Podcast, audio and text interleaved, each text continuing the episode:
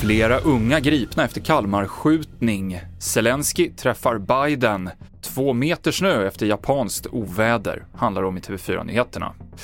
Ja, tre personer har nu gripits misstänkta för inblandning i mordförsöket i Kalmar i söndags, då en ung kille blev skottskadad utanför en matbutik. Igår meddelade polisen att en person gripits och nu har ytterligare två frihetsberövats. Enligt polisen så är samtliga unga personer. En av dem misstänks för mordförsöket och de andra två är misstänkta för anstiftan. Ukrainas president Volodymyr Zelensky besöker USA idag för att träffa Joe Biden och tala till kongressen. Det är den första utlandsresan som Zelensky gör sedan kriget bröt ut.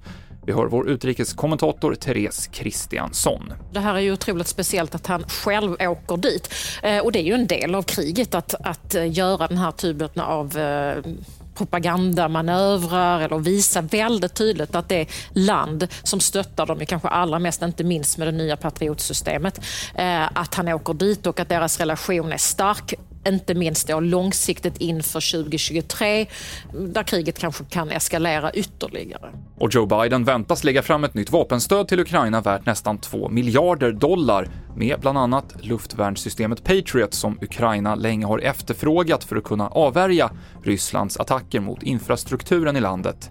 Kreml säger i en kommentar att nya vapenleveranser till Ukraina kommer att förvärra konflikten. Kraftiga snöoväder i nordvästra Japan har sedan helgen krävt minst tre liv.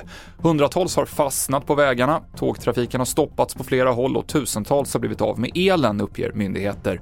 I några regioner vid kusten uppges det vara två meter snö och det väntas nya oväder till jul. Och flygbolaget SAS, som haft ett tungt år ekonomiskt, startar från och med april en direktlinje från Göteborg till New York med tre avgångar i veckan. Planen ska flyga mellan Landvetter och Newark. Det avslutar TV4-nyheterna i studion Mikael Klintevall.